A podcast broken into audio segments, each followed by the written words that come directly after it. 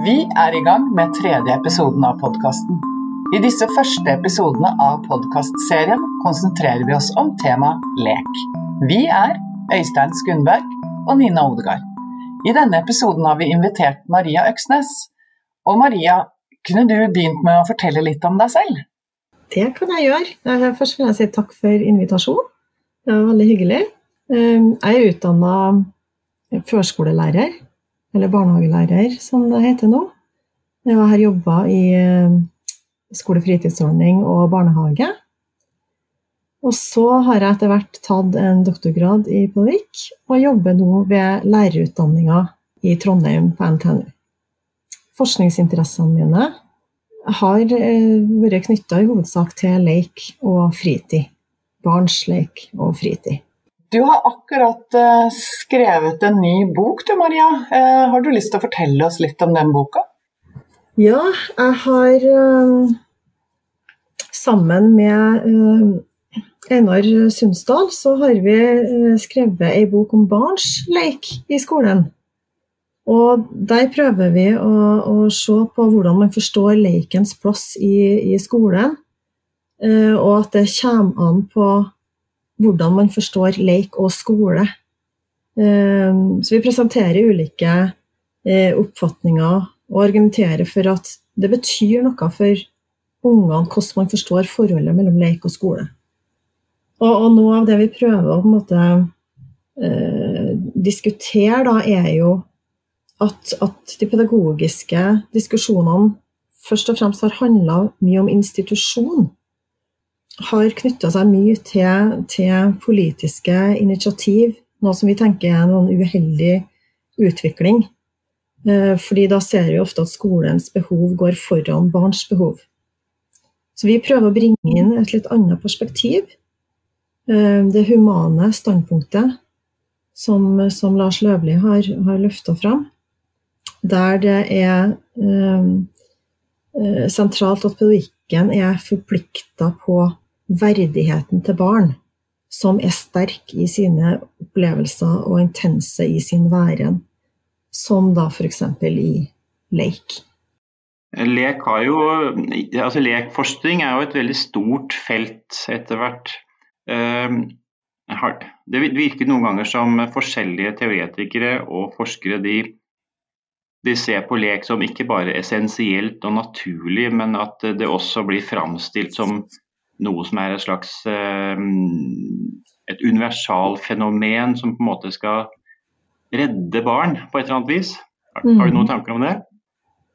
Ja, det var jo på en måte den, den forståelsen av leik jeg fikk i utdanninga mi. Altså at, at leik er kongeveien til utvikling og læring. Altså leik er den beste måten å, å lære på. Um, og så tenker jeg jo det at, uh, at kanskje så har vi gått litt langt da, i å, å anta lekens eh, bidrag til læring og utvikling um, innen mye av denne eh, pedagogiske lekeforskninga. Men også, det er også høye forventninger til lek fra mange filosofer. F.eks. også for, for hva leken skal bidra til i, i menneskers liv generelt. da. Altså, Schiller og Hoitzinger og flere de fremhever jo leken i tida der man står overfor store utfordringer og, og har manglende håp for framtida, så er det på en måte leken man, man ser til. Så det har vært en sånn det vi kan kalle en estetisering, da, der man fokuserer veldig mye på de her positive sidene ved, ved leken. Kanskje nettopp for å tilpasse den sentrale eh, samfunnsmessige og pedagogiske mål, sånn at man, man instrumentaliserer leken, da. Eh, som, man, som man sier, altså man gjør den til et slags middel for å nå eh, bestemte eh, mål som man har, bl.a. Som, som pedagoger. Da. Så jeg tenker jo det at kanskje så, så kunne det vært interessant å, på en måte diskutert litt mer hva, hvilke andre sider leken har ved seg. Da. Altså, eh, det er jo flere som har snakka om denne eh, onde eh, leken og den ville og farlige leken. Og jeg har nettopp Jeg driver og, jobber med generasjonsstudie knytta til minner av leik i barndommen. Og der ser vi jo at eh, en del av eh, den eldre generasjonen, altså vi intervjuer 70-80-åringer, og de snakker jo om, om, en leik med døden til følge, rett og slett. Mm. Det, det er et omfattende forskningsfelt, ja. Hvis du måtte definere lek med én setning, Maria, hva, hva, hva, ville du svart da? Hvordan ville du formulert det da? Jeg har kanskje ville ha sagt at, uh, at leiken er flertydig. Jeg, jeg spurte, nå, nå, prøver jeg å roe meg litt unna her for å få sagt litt mer setning. Jeg spurte uh, dattera mi, som går i førsteklassen i dag, om hva hun tenkte uh, leik var. Og hun sier da at altså, ja, vi oppfatter jo ulike ting som leik. Um, og det er jo Eh, et viktig poeng sånn, fra et sånn insiderperspektiv, sant? Så vil jo eh, kanskje et barn mm. i en dag oppfatte noe som lek, og en annen dag noe annet som lek. Og, og hun snakka jo om det her med eh, at perling og tegning kunne noen unger oppfatte som Altså de leka mens de tegna perler, mens andre unger ikke gjorde det. Men jeg har jo lest, uh, lest uh, Gordon Burghardt, som prøver altså Han er jo veldig nølende til å definere leik, men han har prøvd seg likevel. Da, og Hvis jeg skal prøve å formulere ei setning da, om leik, eh, så med bakgrunn i hans kjennetegn på leik, så blir det litt sånn James Joy, Joyce-stil. For han skriver det at leik er ufullstendig, funksjonell, og den er spontan, fornøyelig, frivillig og givende. Den skiller seg fra andre, mer seriøse handlinger i form og timing.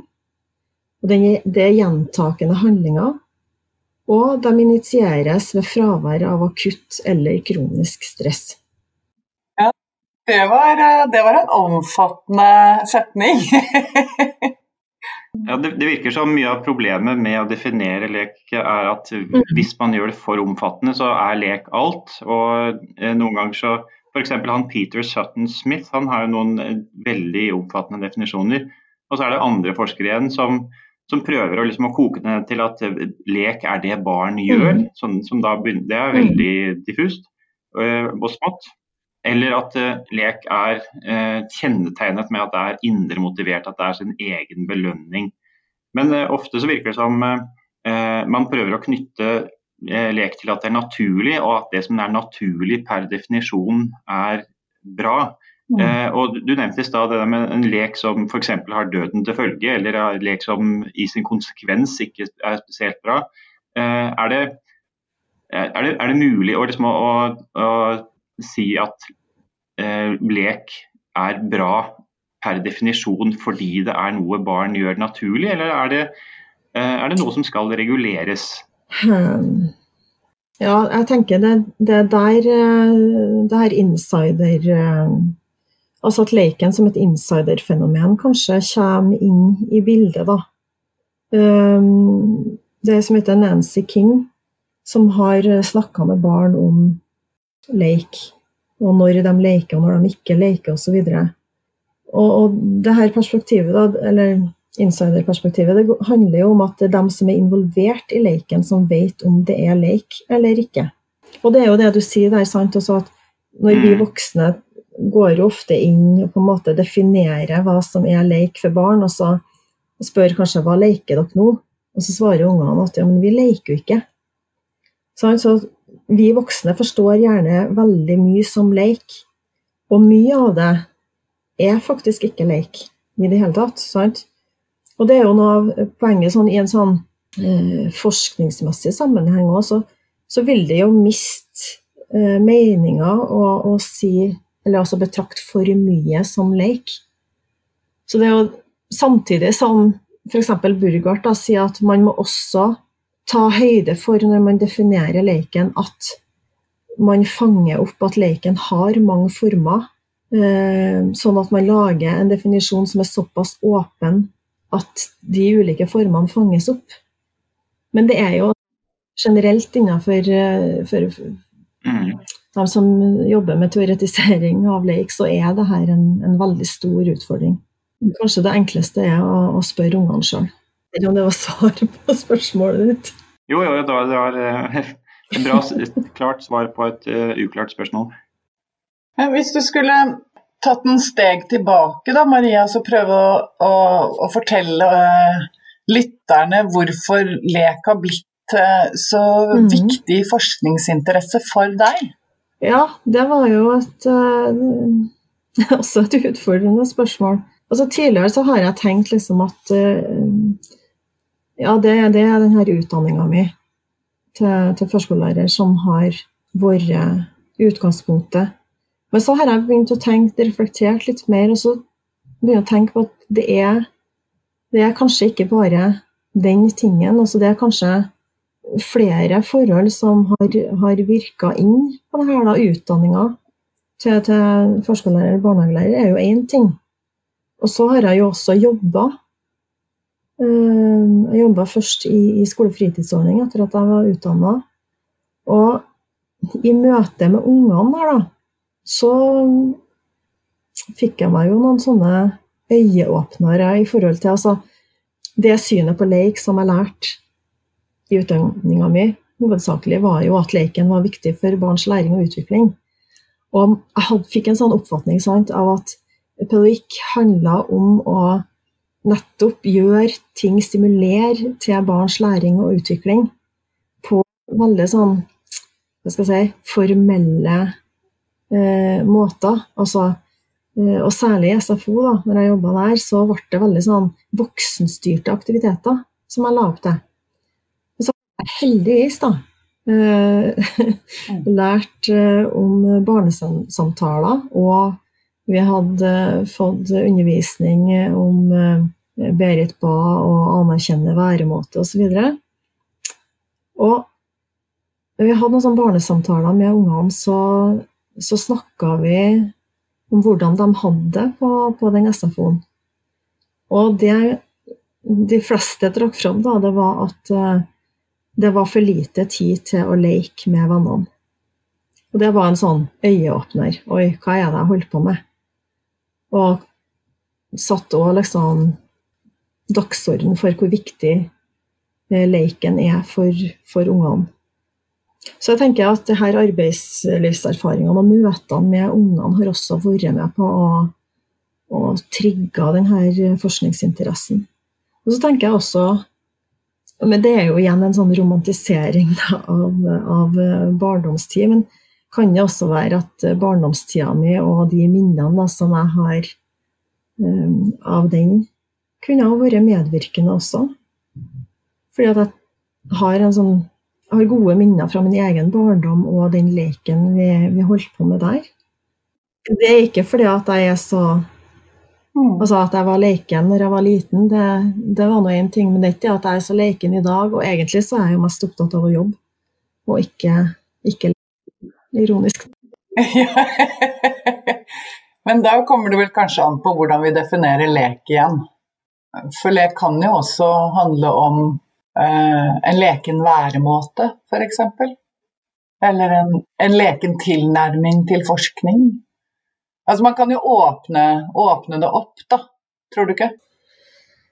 Man snakker jo om, om leik og, og, lekenhet. Det virker jo noen ganger som om eh, de to liksom, hovedmåtene som man snakker om lek på, er Eh, og Det her, det her snakka vi om eh, i forrige episode når vi snakka med Togelaften nå, men at det er lek som nytte eller lek som danning. Mm. Og at det er liksom vanskelig å, eh, å, kombinere dem. Og at man, eh, man, gjør liksom enten det ene eller det andre. Da. At Enten så overlater man leken til barna, og, og da blir det en slags sånn danningseffekt. Eller så, eh, så regisserer man og styrer og analyserer hva som mm. skjer og da er det liksom nytteeffekten. Men går det an å kombinere det? Altså tenk på For, for barnehagelærere, for praksisfeltet, liksom, hvordan skal, skulle de tenkt for ikke å falle i en av de grøftene, hvis man kan si det ja, sånn? Um, Det der er jo noe som jeg har uh, strevd litt med sjøl også. Um, og jeg tenker jo det at um, Jeg er jo ikke uenig i at um, barn kan lære uh, og utvikle seg av å leke mye. Men det er noe med um, Hva skal jeg si Det er noe med hvilke uh, syn man har på leken når man går inn i møte med barn i en barnehage eller SFO eller en skole. Sant?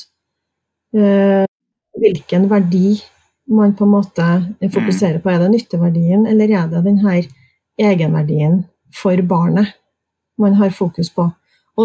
Det, det jeg tenker er en sånn veldig vesentlig forskjell, da, det er det om du som pedagog har planlagt at leiken skal føre til bestemte pedagogiske mål knytta til utvikling og læring på forhånd. For da at leiken er en veldig dårlig inngang. Mm. Altså, da kan man like så godt kanskje bare bruke noen andre eh, undervisningsaktiviteter eller Eh, læringsaktiviteter eller tilrettelagte læringsaktiviteter eller, eller noe sånt. Men hvis du, hvis du, går inn og på en måte si, Det er en annen form for, for pedagogikk. da. Altså I, i førskolelærerutdanninga som jeg tok, så snakka vi om det her døde musens pedagogikk. At um, det skjer noe, og så kan man gå tilbake etterpå og liksom tenke Hva var det som skjedde nå?